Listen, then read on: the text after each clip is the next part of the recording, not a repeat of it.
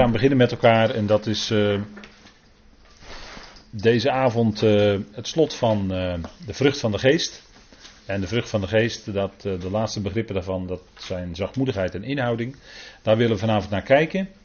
En dan zijn we wel zo'n beetje rond voor wat betreft de vrucht van de geest. En dan gaan we ook verder onze gelaten brief verder behandelen. En voordat we dat doen, voordat we iets gaan lezen, wil ik graag eerst met u beginnen met gebed. Trouw vader, wij danken u dat we ons ook weer hier verzameld hebben. En weer rondom dat woord van u, vader. Dank u wel dat we elke keer weer daardoor opgebouwd worden. En vader, dank u wel dat we steeds weer nieuwe schatten en nieuwe rijkdom uit uw woord mogen opdiepen. Ook vanavond weer, Heer. Dank u wel dat u ons toespreekt, dat u ons aanspreekt in ons hart. Dank u wel dat we ook zo vanavond daar mee bezig mogen zijn. En dank u wel, Vader, dat achter al die woorden die u geeft in uw woord, uw hart zit van liefde. Wat uit is op redding, op heil van de hele mensheid, van de hele schepping. En Vader, dat doel wat u zich gesteld heeft, zult u ook bereiken, Vader. U zult ook uiteindelijk met allen tot uw doel komen. Dank u wel dat u dat nu al doet met de gemeente die het lichaam van Christus is, waar wij ook bij mogen horen, Vader. Dank u wel voor die genade dat we het evangelie van Paulus mogen volgen. Vader, die diepten van rijkdom en wijsheid en kennis van u mogen leren kennen. Vader, om daar ook wijsheid in te hebben hoe te leven ermee en hoe ook met elkaar te kunnen omgaan, Heer. Dank u wel dat daarin ook die vrucht van de geest zo enorm belangrijk is. Vader, dank u wel dat u ons daardoor wilt opbouwen, ook vanavond. Wilt u leiden door uw geest in de waarheid van uw woord. Geeft u wijsheid, geeft u overdrachts- en uitdrukkingsvermogen. Geeft u ons het begrip, het verstaan in ons hart. Vader, zodat we met vreugde in ons hart weer verder mogen. Vader, op weg naar die heerlijke toekomst die u geeft. We danken u dat het beste nog komt en dat zult u geven. We danken u daarvoor in de machtige naam van uw geliefde Zoon, onze Heer Christus Jezus. Amen. Goed, wij lezen met elkaar het stukje uit uh, Galaten 5. En inmiddels is dat een heel bekend stukje, omdat we dat eigenlijk al diverse keren hebben gelezen. Maar altijd goed om dat toch weer te doen. En we lezen Galaten 5 vanaf vers 22. En er staat: De vrucht van de geest is echter liefde, vreugde, vrede, geduld, mildheid, Goedheid, geloof, zachtmoedigheid, inhouding. Tegen zulke dingen is de wet niet. Wie nu van Christus Jezus zijn, kruisigen het vlees tezamen met de hartstochten en begeerten. Indien wij leven in de geest, volgen wij in de geest ook de grondregels op. Laten wij niet aanmatigend worden, elkaar uitdagend, elkaar benijdend. Tot zover even dit stukje. En dit gedeelte van de gelaten brief spreekt natuurlijk over onze wandel als gelovigen, over ons leven. En zo willen we er ook naar kijken. En wij hebben de vorige keer ook al stilgestaan bij dat begrip zachtmoedigheid.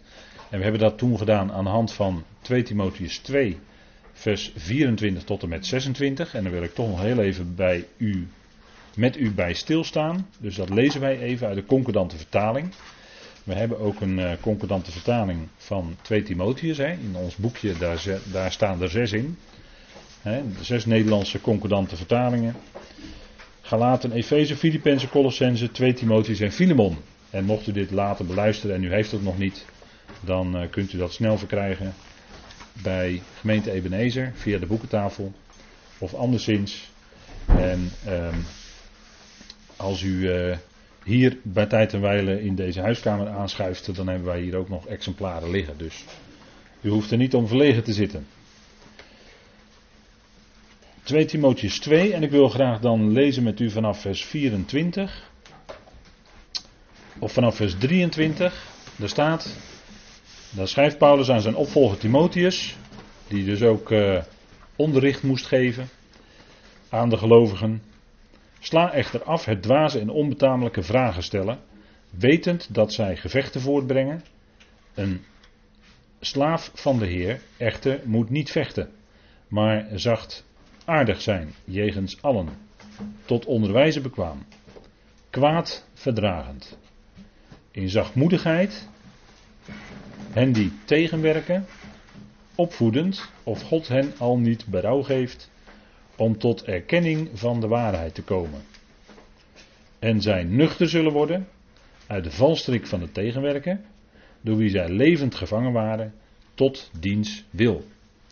En Paulus heeft het hier in deze ernstige woorden over een slaaf van de Heer, nou dat is Timotheus, maar het is ook uh, allen die in feite onderricht geven, want het gaat hier in dit stukje over onderricht geven. Hè. Er staat tot onderwijzen bekwaam. En dat geldt voor de opzieners. En dat geldt bij gelegenheid dus ook voor de oudsten. Uh, oudsten zijn vaak, of in de regel zou ik bijna willen zeggen, ook opzieners. En een opziener moet ook kunnen, uh, onderricht kunnen geven. Hè. Zo laat de schrift dat zien. En uh, wat is dan belangrijk, en zeker in de laatste dagen waarin wij leven, dat een slaaf van de Heer uh, zachtaardig zou zijn jegens allen, hè, staat er dan. Dat is de liefde die dan naar voren komt, hè, terwijl hij misschien harde tegenstand ondervindt van anderen. Van andere gelovigen, dat kan hoor. Je kan van echte ware gelovigen tegenstand ondervinden, dat kan. En die slaaf van de Heer moet zachtaardig zijn, of moet, uh, zou zachtaardig zijn, jegens allen. Dus jegens al degene die die tegenkomt, al die gelovigen. Tot onderwijzen bekwaam. Dus hij moet hè, onderricht kunnen geven uit het woord en daarmee wijzen. Kwaad verdragend. We leven in de tijd waarin en dat maakte Paulus natuurlijk ook al in zijn dagen mee. Uh, Paulus leed kwaad met het evangelie. En hij zegt ook tegen Timotheus, leid kwaad met het evangelie in de kracht van God. En je hebt kracht nodig van God als er tegenstand is van andere gelovigen. Om dan toch uh, die houding aan te nemen die Paulus hier wijst. Een houding vanuit de liefde. Dat je dus de ander op een zachte wijze, zachtaardig, tegemoet treedt. En in zachtmoedigheid, hè, nog een keer, hè, dat zacht, zachtmoedigheid, hen die tegenwerken, dat zijn dus uh, andere gelovigen. Uh, opvoedend of God hen al niet berouw geeft om tot erkenning van de waarheid te komen. Kijk, dat is de reden. Een, uh, iemand die onderricht geeft, die kan natuurlijk heel makkelijk, bij wijze van spreken, vanuit de schrift uh, die waarheid op een vrij harde en directe manier naar voren brengen. in, in, in, in allerlei situaties. Maar Paulus zegt dat zou die, diegene die onderricht geeft, zou dat doen met zachtmoedigheid. Om degene die tegenwerken op te kunnen voeden. En dat is met de achterliggende gedachte dat zij tot berouw zouden komen. Dat woord berouw dat heeft te maken met nadenken. Wellicht geeft God het dat zij na gaan denken en gaan langzaam maar, zeker misschien gaan ontdekken, door toch steeds uh, geconfronteerd te worden met Gods woord, dat zij uh, zelf bezig zijn tegen te werken. En waar gaat het dan natuurlijk om? Tegenwerken, het tegen het evangelie van Paulus inwerken. Daar gaat het dan om hier, hè, natuurlijk. Het is Paulus die dit schrijft. Maar het zou kunnen zijn dat God hen berouw geeft dat zij tot nadenken komen en tot erkenning van de waarheid. ik denk dat dat heel belangrijk is. En dat is de reden waarom die onderrichtgevende, die leraar of die opziener, dat zou doen met zachtmoedigheid. Want God geeft dan aan degene die dat onderricht geeft de genade om zelf niet in een valstrik van de tegenwerker te zitten, want dat is ook genade, dat je eruit mag blijven. Dat is ook niet van jezelf. En dat dus diegenen die tegenwerken, dat die nuchter worden. Nuchterheid, als je dat in de schrift naloopt, moet je eens doen in het Nieuwe Testament. Dan uh, ontdek je dat dat heel uh, niet handig. Uh, we zijn geen karwei of zo. Maar ik mag geen reclame maken, geloof ik. Hè. We zijn niet met karweitjes bezig. maar nuchter zijn is wat de schrift aanwijst, juist als het gaat om de tegenwerker. Petrus die zegt dan: wees nuchter, want die diabolos die gaat rond als een briesende leeuw. Dat is nu nog niet, Maar straks wel, als die op aarde geworpen is, vandaar dat Petrus dat ook schrijft. Als die op aarde geworpen is, gaat hij rond als een briesende leeuw. En dan moeten de gelovigen, de Messias-gelovige Joden, die moeten dan nuchter zijn. Maar dat geldt natuurlijk ook voor ons, hè, want Paulus roept ons steeds op om nuchter te zijn. Dus je niet te laten meeslepen in een of andere geestelijke roes. Want daar, oh, daar is nogal wat mee, uh, hè, daar wordt nogal wat mee gedaan in deze tijd. Hè, geestdrijverij en uh, ik, ik zal er niet te diep op ingaan, maar daar wordt nogal wat mee gedaan. Dan kom je in een geestelijke roes, dan ben je dus niet meer nuchter en kun je ook die woorden van de schrift niet meer op een juiste wijze verstaan, begrijpen, bevatten. Van, en dan ben je dus gebracht in een valstrik van de tegenwerker. En dat kan heel vroom zijn. En toch zit je in een valstrik van de tegenwerker. Want zij zijn daarin, zegt Paulus hier, door wie zij levend gevangen waren, tot diens wil. Maar daarom zou iemand die onderricht geeft, in confrontaties zachtmoedig zijn. Want het zou kunnen zijn dat God het geeft dat zij uit die valstrik komen en dat ze weer ontnuchteren en tot erkenning van de waarheid komen. Dat kan. Die mogelijkheid moet je altijd openlaten. En dat is ook de liefde. Hè? Dan, dan laat je aan die ander dus ook de ruimte om daaruit te kunnen komen, dat God dat geeft. En er zitten nogal wat mensen, eh, als je het zo eens nagaat, in die valstrik van de tegenwerker. Ware gelovigen, dat wel, ware gelovigen, waarachtige gelovigen. Maar die kunnen in een valstrik van de tegenwerker zitten. Door middel van allerlei tradities. Kan hun denken tot op zekere hoogte gevangen houden. Zodat zij niet dat, dat die volle heerlijkheid kunnen zien van het evangelie wat Paulus verkondigt. Maar ze zien maar misschien maar een heel klein beetje daarvan. Dat kan. Maar dan zijn ze uh, in de mist verblind door tradities van mensen. En, en soms kost het een heel leven om daarvan los te komen, om daaruit te komen. Als God het geeft. dat is, dus dat is heel belangrijk. En die zachtmoedigheid, want daar gaat het dan hier over. Die zachtmoedigheid is juist heel belangrijk. dat je niet die ander zodanig uh, ja, met het woord confronteert op een zodanige manier dat je die ander nooit, daarna nooit meer kan bereiken. Menselijkerwijs gesproken. Dat je die ander zo daardoor door, door de manier waarop jij dat doet, zodanig van je afhoudt, van je afdrukt dat die ander niet meer wil luisteren.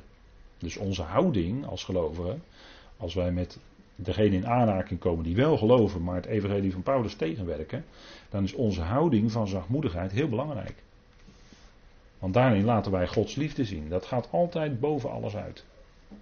De hoogste norm is, wat Paulus zegt in Efeze 5, wandelt in de liefde. Dat is de hoogste norm. Want dat is het agape, dat is de liefde van God. En als we daarin wandelen, ook juist ten opzichte van andere gelovigen, dan kan dat ertoe leiden dat die ander toch bij gelegenheid gaat luisteren. En uit die valstrik kan komen. En tot erkenning van de waarheid kan komen. Wat wij zo graag willen, maar wat soms niet lukt, denk je dan. Maar dat is op Gods tijd. Hè? God geeft het dan. En het gaat erom dat ze ontnuchterd worden. Uit die valstrik van de tegenwerker komen. Hè. De tegenwerker dat is de diabolos. Hè. Dat is de dooreenwerper. Dat is degene die de schriften ook door elkaar werpt. Zodat gelovigen niet meer zien waar het om draait. Hè, wat, wat het juist is. Maar in verwarring zijn gebracht. Hè. Dat is een... Uh, uh, hè, dat is altijd van, ja dat staat er wel, maar dat moet je anders zien. Zo die lijn, hè, dat staat er wel, maar je moet het anders zien. Je moet die uitleg dan volgen in plaats van wat er staat. Dat is een heel belangrijke graadmeter. Hè? Maar als je niet redeneringen volgt, geen menselijke redeneringen volgt, maar de uitspraken van de schrift volgt, dan blijf je altijd het dichtste bij de bron. En dat zouden we ook blijven, want het dichtst bij de bron is het water het meest helder. Is nog niet vertroebeld. Hè? Dus dicht bij de bron blijven. Ik denk dat dat een mooi beeld is uit de natuur. Nou, met zachtmoedigheid die tegenwerkers opvoeden. Ik denk dat dat een belangrijk punt is. Dan wordt ook uh, tegen Titus gezegd, en uh, Titus denk ik dat je die ook wel als een oudste kan beschouwen. Uh, zachtmoedigheid. En dan geeft hij onder andere als aanwijzing dat Titus dat weer door moet geven aan die mensen daar op Kreta, want daar was Titus. Dat zij niemand lasteren, om maar eens even wat te noemen, hè? niemand lasteren. En wat is lasteren? Dat is schade verklaren. Dat wil zeggen, dat is een, uh, iets zeggen wat de ander beschadigt. Je kunt tegen een andere iets over iemand zeggen wat die, wat die ander beschadigt. Dat is eigenlijk lasteren. Dat is een beschadigende verklaring afleggen over iemand anders. Nou, dat is niet naar de liefde natuurlijk. Dus vandaar dat Paulus zegt hier niemand te lasteren. Niet vechtlustig te zijn. Want dat is naar het vlees als je wil vechten. als jij maar wil strijden en strijden en strijden totdat je eindelijk je gelijk hebt, dan ben je niet bezig met de wandel naar de geest, maar dan ben je bezig met de vrucht. Uh, nee, sorry, ben je bezig met een werk van het vlees. We zijn nu bezig met de vrucht van de geest. Maar als je vechtlustig, vechtlustig bent, dan handel en wandel je naar het vlees. En daar zijn we natuurlijk nu mee bezig in de gelaten brief. Vlees tegenover geest. En andersom, hè, en vice versa, om het zo maar te zeggen. Hè. En welwillend, alle zachtmoedigheid, niet, vecht, niet vechtlustig te zijn, en wat dan wel, welwillend. Welwillend. Hè, dan moet je direct denken aan de woorden uit Filippenzen. Je welwillendheid zij alle mensen bekend. Of je inschikkelijkheid. Ik geloof dat wij dat zo vertaald hebben, inschikkelijkheid. En dat is ook zo'n uh, uh, begrip. Uw inschikkelijkheid zijn alle mensen bekend. Ja, Filippenzen 4 vers 5. Hè.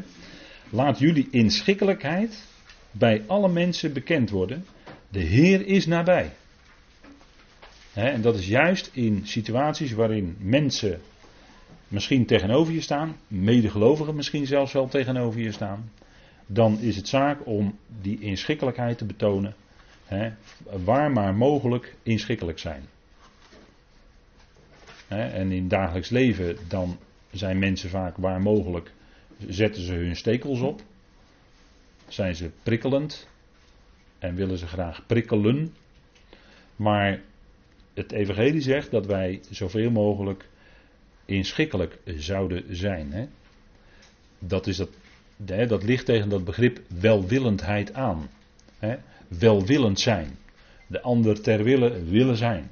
Dat is, dat is een uiting van een ootmoedige gezindheid. Dat is uit, uit, een uiting van ootmoed wanneer wij het evangelie, wanneer wij facetten van het evangelie van Paulus mogen kennen, zeg ik heel nadrukkelijk, mogen kennen, dan is dat genade. En dat zou ons tot een ootmoedige houding leiden, want wie zijn wij? Wie zijn wij dat God ons dat geeft? Dat wij deze facetten van het evangelie van Paulus mogen kennen. Dat is, dat is diepe genade, dat is de rijkdom van zijn genade, dat is daar een onderdeel van. En dat wij ook alle zachtmoedigheid, hè, alle zachtmoedigheid betonend naar alle mensen. Dus of ze nou gelovig zijn of ongelovig, daar waar mogelijk zachtmoedig zijn. En dat zal misschien hier en daar uitgelegd worden als slapheid of zwakheid. Dat zal wel, maar je leeft en je wil daarin hè, je leven, in je leven iets tonen van die gezindheid van Christus. Je wil iets tonen van het evangelie. En dat is niet uh, in het verkeer op je, hè, in het verkeer net zo tekeer gaan als de anderen. Ik noem maar wat, hè. In het dagelijks leven kom je dat tegen. Hè. Hoe, hoe, men in, hoe agressief men in het verkeer is, bijvoorbeeld. Of uh, bij de supermarkt, hè. Als, uh, als, als ze menen dat iemand voordringt in de rij. Nou, nou, moet je eens kijken wat er dan gebeurt. Hè, dan moeten ze vijf minuten langer wachten. Nou, moet je eens kijken wat voor opmerkingen je dan krijgt. Als je per ongeluk voor iemand anders gaat staan. nou, het zijn maar hele simpele voorbeelden natuurlijk. Hè. En uh, dan zou je zeggen van nou, onder gelovigen komt het niet zo voor. Hè, dat men elkaar bijt en vereet en zo, waar Paulus het over heeft in Galaten 5. Hè, daar moet ik dan weer aan denken.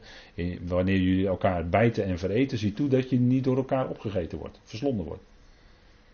En dan zou je denken, Paulus schrijft dat in Galaten 5, maar dat gebeurt onder gelovigen toch niet. Hè? Maar als je 30, 40 jaar met gelovigen optrekt,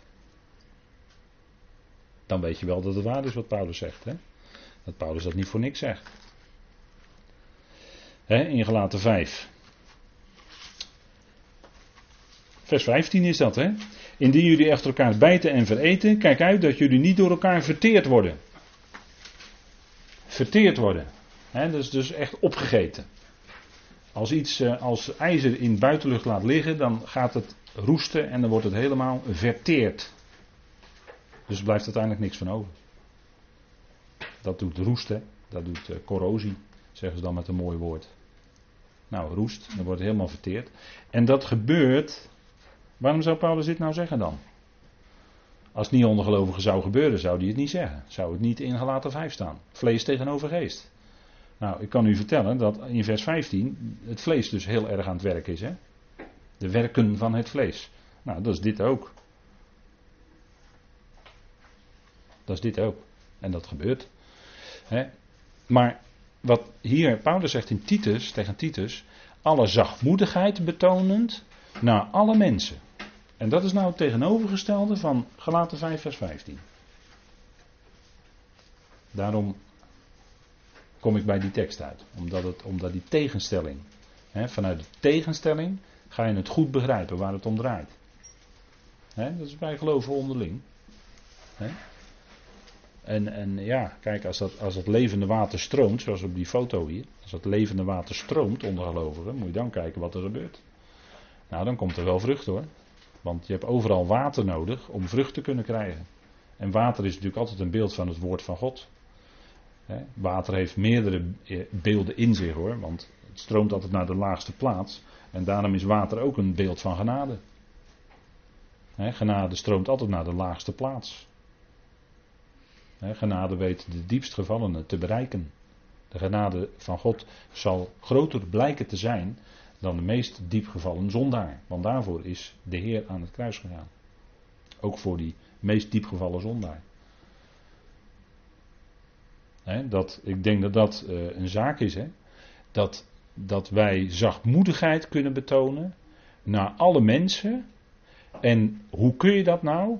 Dat kun je doen met het oog op het einddoel van God. Het einddoel van God is dat Hij alles in alles zal zijn. En wat, wat is dat dan? Dat is als alle knie zich buigt. Dat is ons jaarthema. Als alle knie zich buigt. En alle tong van harte God looft en beleidt. Dat, dat is Gods einddoel. Hè? En zo kun je naar die ander kijken. Die zich misschien nu die ongelovige die zich misschien nu op een manier gedraagt waarvan je zegt van nou, nou moet dat nou allemaal. Maar ja, jij bent er dan van gered. Jij kan daar zo naar kijken.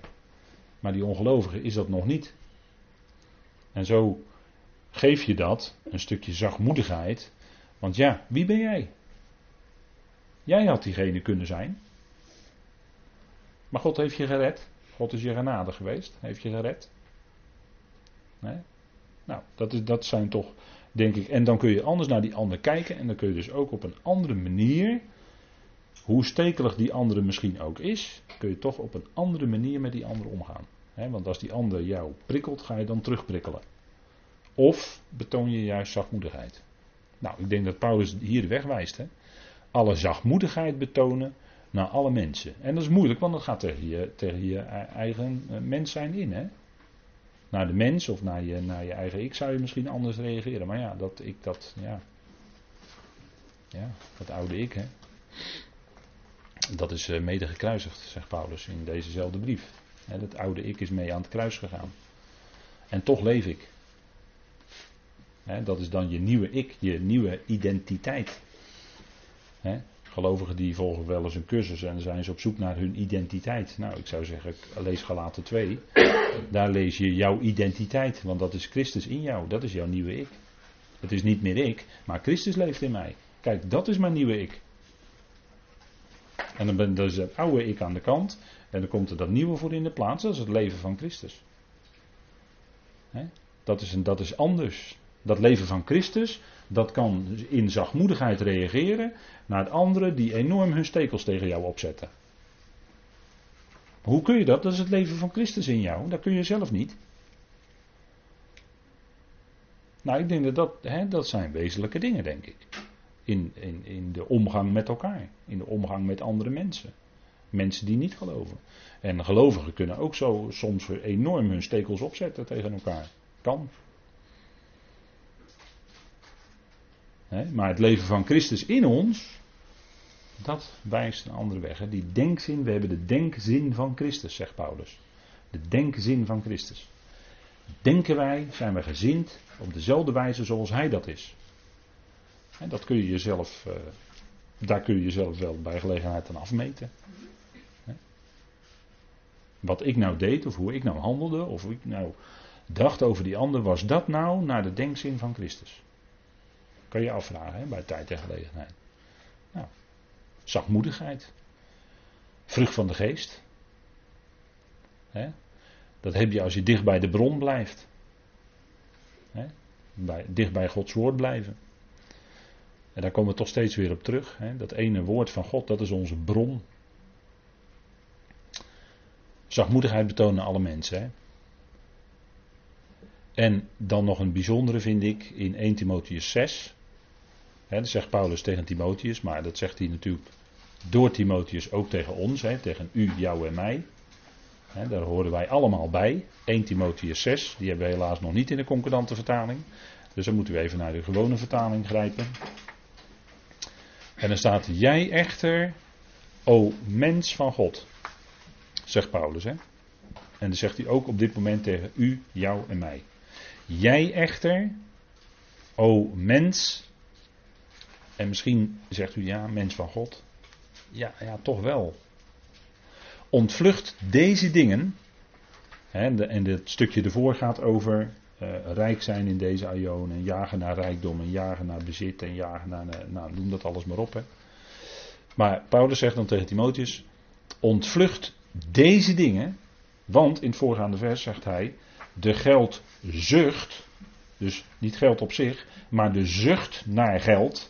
Is een wortel van alle kwaad niet geld is de wortel van alle kwaad, dat wordt wel populair in de wereld zo gezegd. Maar de zucht naar geld is een wortel van alle kwaad. Dat, dat is een punt, hè. Nou, Paulus zegt dan tegen Timotheus: ontvlucht deze dingen, maar, tegenstelling, jaag naar, waar zouden we naar jagen in ons leven? Nou, naar gerechtigheid. Hè? recht doen, het recht te doen, het juist te doen. Daarna jagen, Gods vrucht. Hè, God op een goede manier vereren, daar heeft het mee te maken, goed vereren. Gods vrucht. Geloof. Nou, dan zitten we weer, nu zitten we alweer midden in die vrucht van de geest. Hè? Geloof. Liefde. En het is opvallend hoe vaak Paulus geloof en liefde aan elkaar koppelt hè, in zijn brieven. Geloof met liefde. Dus daar waar geloof is, is ook liefde. En ik zou willen zeggen ook vice versa. En dan mag je ook voor geloof het woord trouw invullen. Hè?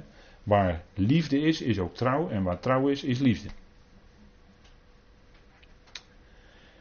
En uh, geloof en liefde, dat vinden wij ook in de vrucht van de geest. En wij vinden dat ook in het verband van Galaten 5, daar komen we dan zo op. Geloof en liefde, volharding, dus dat wil zeggen uh, letterlijk eronder blijven. Dus dat wil zeggen, in die situatie waarin God jou plaatst, geeft hij ook die uitstijging. En nu ben ik heel snel in 1 Corinthië 10. Hè. Maar in die situatie waarin we blijven, hoe kunnen we daarin volharden? Hoe kunnen we eronder blijven staan? Doordat wij die uitstijging kennen en doordat wij die kracht van God in ons leven ervaren, eh, zien werken, hoe moet je het noemen, en zo kunnen volharden.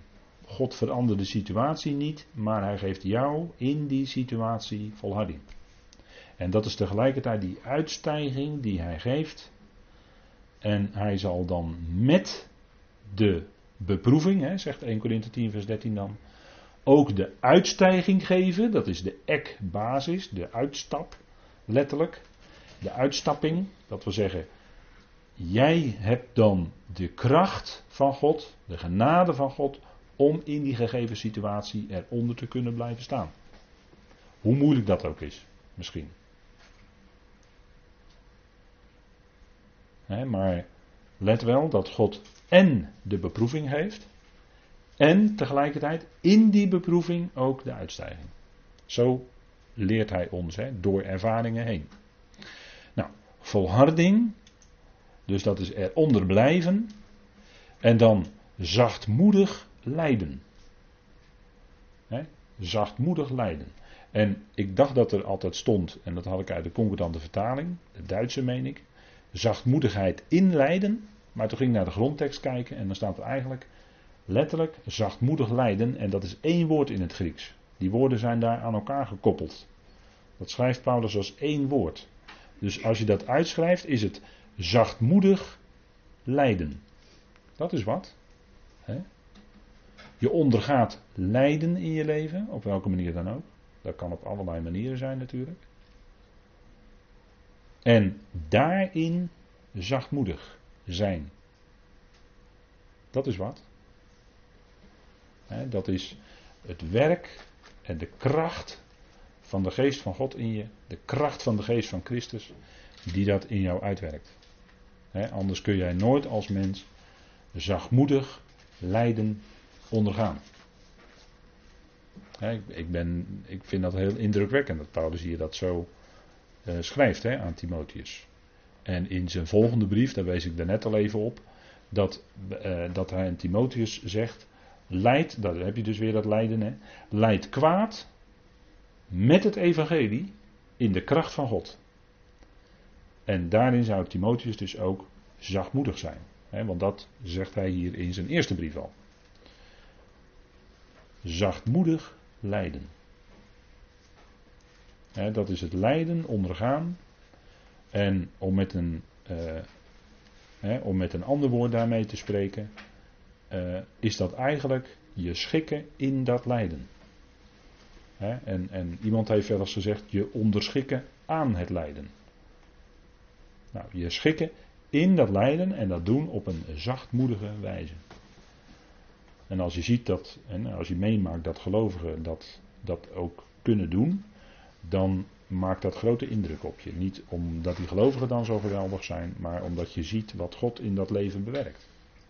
Dat is, dat is bijzonder, wat, wat je dan ziet wat God doet.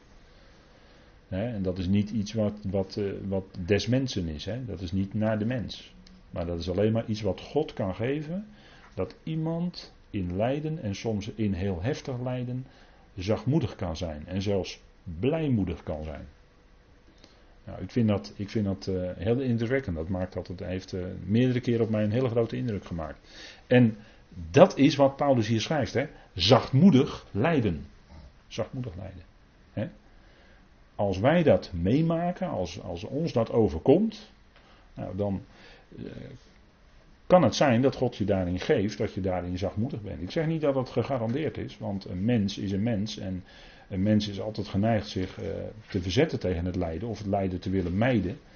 Maar uh, het punt is dat uh, het lijden, het overkomt je. En vaak kun je er niet eens aan onttrekken. Ook al zou je het zo graag willen, maar je bent in die situatie van lijden en verdrukkingen en daar kun je niet aan ontkomen. En uiteindelijk, als, als je gelovige, als je verder bent op de weg, om het zo maar te zeggen, als gelovige, dan leer je ook dat God je in dat lijden heeft gebracht. En dat je dat lijden, daar is dan ook niet aan te ontkomen. En ieder mens op een of andere manier en zal op vroeg of laat een stuk lijden in zijn leven ondervinden. Vaak herkennen wij dingen niet meer als zijnde lijden. Maar uh, ja, goed, daarover zijn ook Bijbelstudies. Hè. Die moeten we maar eens uitgebreider. Dat is een heel, heel diepgaand en zeer boeiend en aansprekend onderwerp. Uh, maar daarover zouden we nog eens meer moeten luisteren. Maar dat zijn dingen die ons niet aangeboren zijn. En dat kan dus ook alleen maar zijn dat een gelovige in, in, uh, in die situatie. Hè, hoe kon het nou? Hoe kon het nou dat de Heer Jezus, toen hij aan het kruis hing, dat hij bad voor die mensen die daar hem hoonden en bespotten. Vader, vergeef het hun, want zij weten niet wat zij doen. En dat wisten ze ook niet, ze wisten niet wat ze deden. Hè? Maar dan, dan kun je zien dat de Heer Jezus in dat lijden aan het kruis, dat hij daarin zachtmoedig was. Anders kon je niet zo voor je tegenstanders bidden. Daar. Hij had het zelf aan zijn volk onderwezen. Bid voor je vijanden. En hij deed het daar aan het kruis, hè, notabene. En dat is een moeilijke situatie hoor, als je aan het kruis hangt. Want het was een verschrikkelijk martelwerktuig in die tijd. Professor Smalhout heeft daar een boek over geschreven. Hoe iemand lijdt als die aan het kruis hangt. Nou, dat is wat hoor, als je dat leest. Dat is wat. Dat is een enorm diep lichamelijk lijden. Met felle pijnen. En dan toch in die situatie bidden voor je vijanden. Dat is het voorbeeld wat Paulus dan hier bedoelt. Lijkt mij ook hè, dat hij zachtmoedig leed daar aan het kruis en kon bidden voor degene die hem zo vervolgde. Hè, dat is wat. Hè, dat gaat heel diep. Nou, ik denk dat dat eh, toch een, een, punt is, hè, met die zachtmoedigheid. Dat kan alleen dus maar door de geest in je gewerkt zijn, hè, die geest van God. Goed, de vrucht van de geest. En wij gaan met elkaar verder naar het laatste facet, dat is inhouding. En eigenlijk, als je er goed over nadenkt, dan komt eigenlijk bij die verschillende aspecten van de vrucht van de geest, die we inmiddels al hebben besproken met elkaar, komt daar juist op allerlei manieren komt ook die inhouding naar voren. We hadden het net over zachtmoedigheid. Nou, als je zachtmoedig bent, dan hou je gelijk in. Dan hou je je gelijk in. Om het zo maar te zeggen. Het gaat niet, maar het gaat niet om dat jij je kan inhouden, daar gaat het niet om. Want zelfbeheersing is juist een begrip wat we heel bewust hebben vermeden. Waarom? Omdat het er niet staat. Er staat geen zelfbeheersing. Het woordje zelf, autos in het Grieks, staat daar niet. Maar er staat een andere woord, dat is ekkrateia. En dat betekent inhouden. dus dat ek is dat in. En krateia, kratos, is eh, kracht, eh, macht. Misschien nog iets meer dan kracht, macht in het Grieks. Dus dat in, hè? dus je inhouden, inhouding is het letterlijk.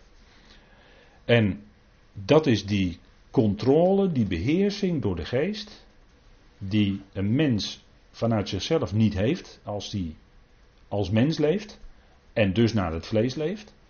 Maar door de geest is daar dan die controle, zodat er die inhouding is. En dan, als je dan zachtmoedig bent, nou, dan hou je automatisch dus uh, eventuele woede van het vlees, uh, hou je in. Dat, dat zul je dan op dat moment niet eens voelen, daar gaat het niet om. Maar dat is dan onder controle van die geest van God. Vandaar inhouden. en als mensen, nou daar zullen we nog een voorbeelden van zien. Maar um, inhouding is dus een aspect van die vrucht van de geest. En ik denk dat Paulus, uh, ja, dan is het eigenlijk rond. Hè? Dan is het uh, die vrucht, dat is één vrucht. En we hebben wel eens vastgesteld met elkaar dat het eigenlijk allemaal voortkomt uit de liefde van God. Hè? De liefde van God, daar zit eigenlijk alles in. En daar komen al die andere aspecten komen eruit voort.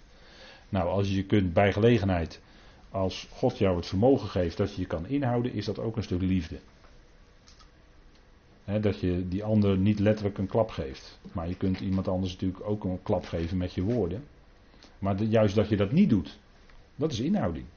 En dat is dan ook een facet van die liefde van God. dat is liefde. Kijk. Links. Bekend hè, denk ik. Dat is een, iemand die zich eigenlijk niet echt kan inhouden. Daar zullen, binnenkort zullen daar uh, allerlei woorden uit die mond komen, denk ik. Die niet zo vrij zijn. Ja, en rechts uh, is het een heel ander beeld. Hè? Maar dat is, even heel gesimplificeerd voorgesteld. Iets, hè, het verschil. Het verschil tussen vlees en geest. Hè? En, en, en dat is een enorm verschil. En, en als je dit tegen deze dingen gaat afzetten, hè, als je het langs deze toets gaat halen, hier in Galaten 5, dan ontdek je wel dat mensen, ook gelovige mensen, zich soms eh, aardig laten gaan in hun vlees. En dan heb ik het alleen maar over woorden uitspreken tegen elkaar.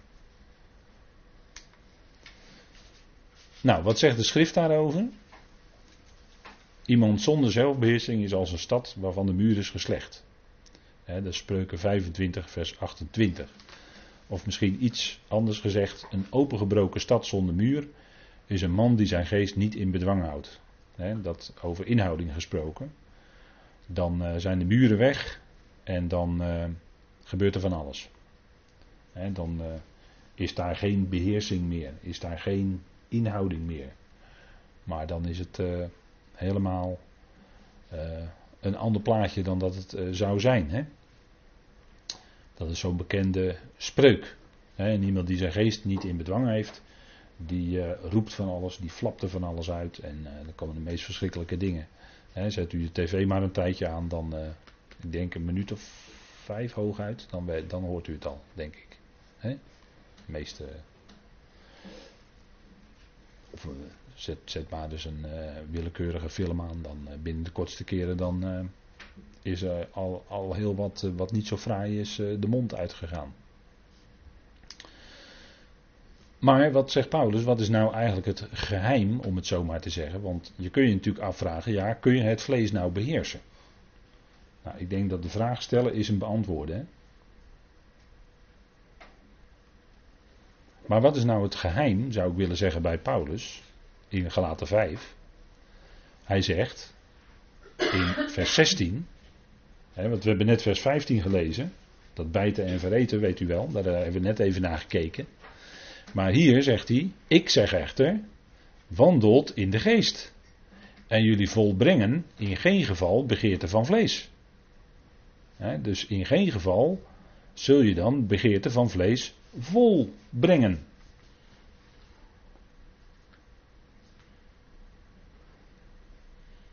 En het punt is, het geheim is, wandelt in de geest. Dus wandelt naar het evangelie naar die geest van God die in je aandringt. En dan, om het zo maar te zeggen, krijgt het vlees geen kans. Want het, ja, het is het een of het ander dan natuurlijk. Hè? En, en in verband hiermee heb ik in het verleden wel eens dat voorbeeld gegeven van die twee honden, hè, weet u wel? Die zwarte hond en die witte hond. En als je nou maar die zwarte hond veel voedsel geeft, dan zal die zwarte hond die strijd in je gaan winnen natuurlijk. Die zwarte hond is natuurlijk het vlees. Hè? En die witte hond is dan de geest. Nou, als jij die zwarte hond maar flink voeding geeft, dan gaat die zwarte hond die gaat de overhand krijgen in jouw leven. Het vlees dus. Maar als jij die witte hond meer voedsel geeft, dan gaat die witte hond natuurlijk de overhand krijgen in jouw leven. En dan krijg je ook de wandel in de geest. En dan krijgt het vlees geen kans. Kijk, het vlees begeert altijd. Daar hoeven we echt uh, niet te proberen daar veranderingen aan te brengen, want dat is gewoon het vlees. En daar speelde de tegenstander op in, bij Eva. Zij zag dat die vrucht begeerlijk was, staat er dan, hè? dat die vrucht begeerlijk was om te eten. Nou, en daar wees die tegenwerker natuurlijk op. En die, die sprak dat vlees aan. En ja, dat reageerde. En ja, goed, dat, toen werd het, het, eten. Hè? De rest is geschiedenis, zeggen we dan. Maar zo is het, hè? En zo werkt het vandaag de dag nog steeds. Hè? Maar het gaat erom, kijk, dat vlees, dat, als je dat in de hoek laat liggen, bij wijze van spreken, en, en je negeert het, en je wandelt in de geest, dan krijgt het vlees geen kans.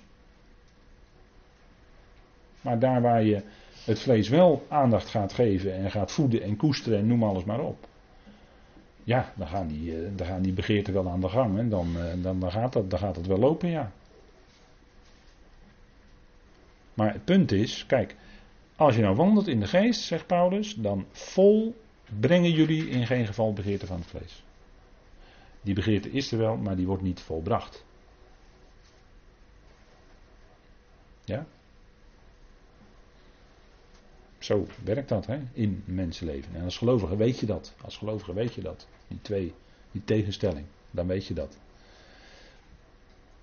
Nou, dat is dus Paulus' aanwijzing. Hè? Maar aan de andere kant, en dan heb, je dus, dan heb ik het dus over die zwarte hond. Als je die nou voedt, hè, wanneer het vlees vrij is om te doen wat het wil, dan krijg je, ja, dan krijg je die werken van het vlees. Waar Paulus het over heeft in Galaten 5. Dan gaat het vlees wel aan de slag. Met die werken. Kijk, Wij zijn vrij, hè? wij zijn vrij in Christus. En dat, dat begrijpen wij wel, hoe dat, hoe dat is. Wij zijn vrij in Christus, precies ja, om naar het vlees te leven. Uh, sorry, om naar de geest te leven. En dat eerste was hoe sommige gelovigen dan er ineens tegenaan gaan kijken. Maar dat is een verkeerde conclusie. We zijn vrij in Christus om naar de geest te leven. Om te wandelen in de genade. En dat is een leven niet in de zonde, maar dat is een leven tot eer van God. Dat is een genadig leven. En dan word je vrij. Hè? We zijn nu vrij van de zonde. Romeinen 6. Kan je zo, Romeinen 6 kan je zo tegen gelaten 5 aanleggen. Hè? Wij zijn nu vrij van de zonde. Waarom? Nou, om God te dienen natuurlijk. We zijn verlost van de zonde. Waarom? Nou, dan hebben, dan hebben we onze leden van ons lichaam zijn dan vrij om God te dienen. Om de gerechtigheid te dienen. En anders, ja, wat doe je anders? Nou, dan dien je jezelf, of je dient een, je dient een ander, of je dient uh, X of Y, maar niet God. En het kan zich in allemaal, allemaal prachtige vormen voordoen, zelfs in allemaal goede werken. Maar het kan, kan net zo goed nog zijn dat je gewoon bezig bent volledig te leven naar de mens. En dan leef je nog niet dat je je leden van je lichaam stelt tot eer van God. Ten dienste van God, ten dienste van zijn gerechtigheid. Want daar gaat het om. Daarvoor zijn we nou juist bevrijd.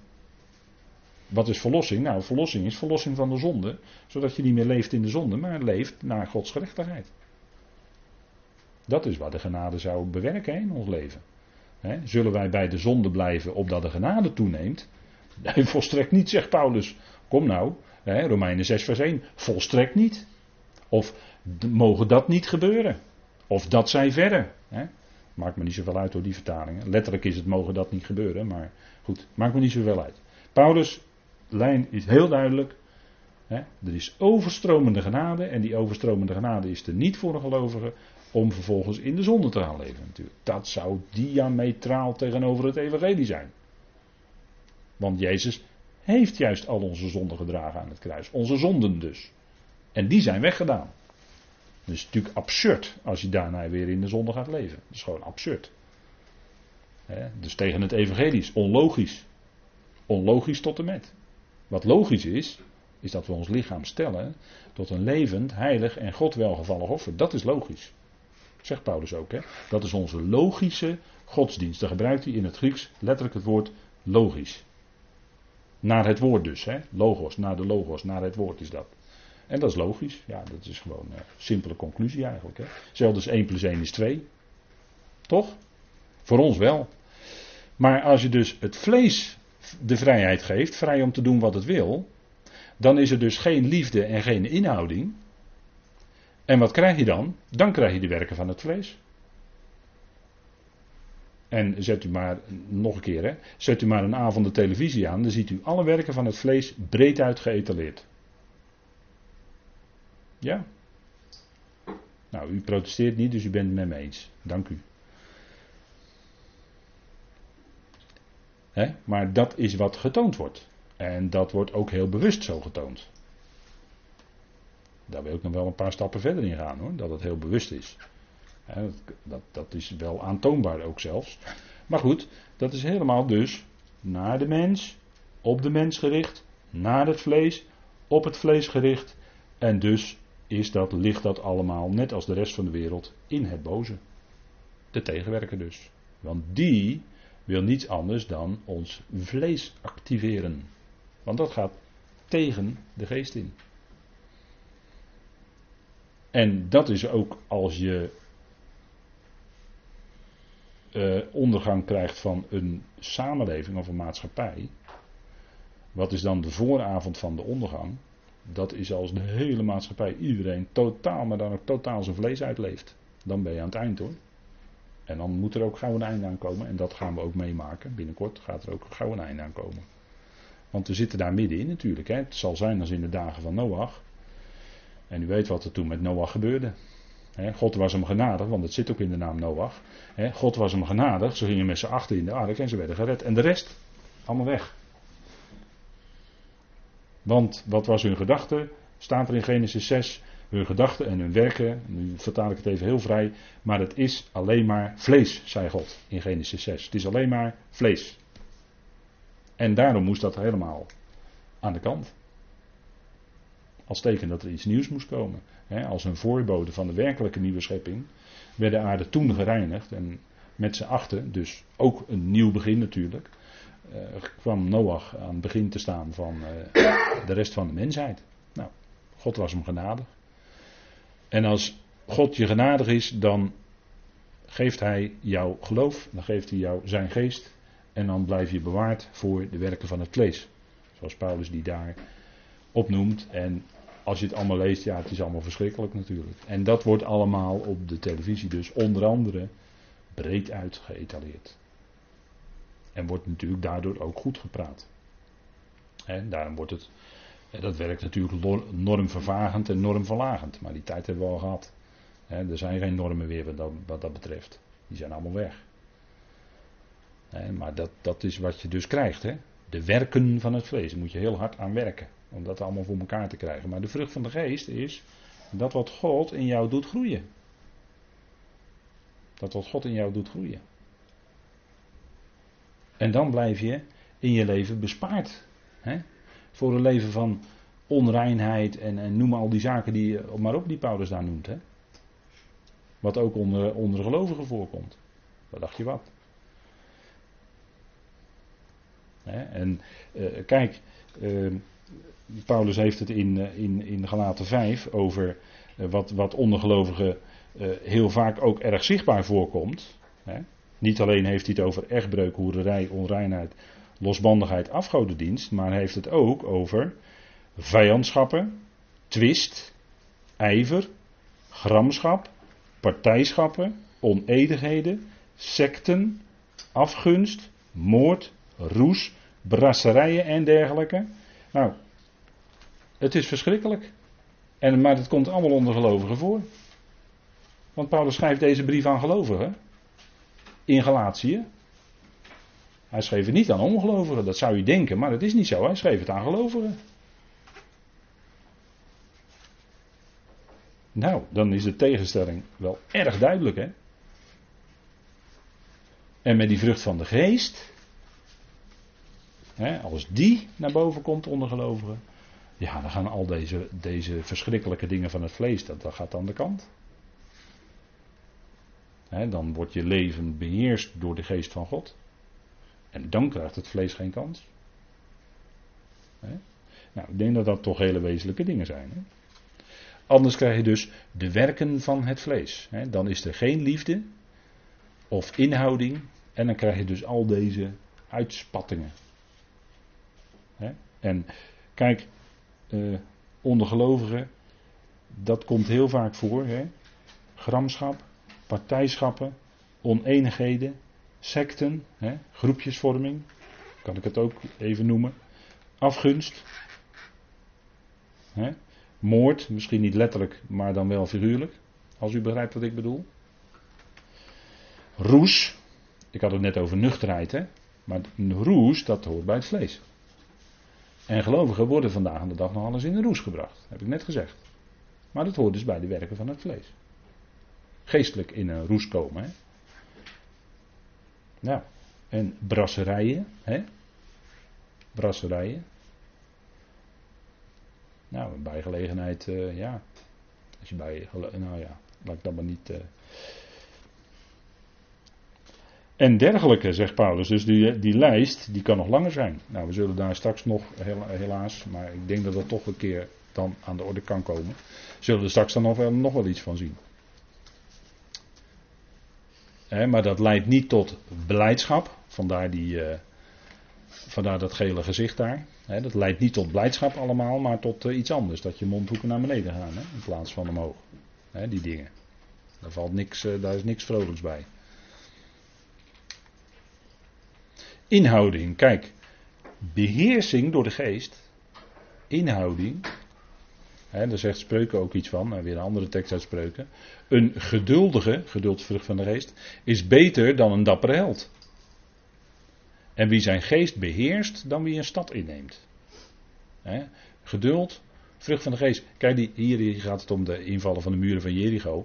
Waarvan ze lange tijd gezegd hebben dat het niet gebeurde. Totdat archeologen wel degelijk omgevallen muren vonden in de archeologie. Leuk hè?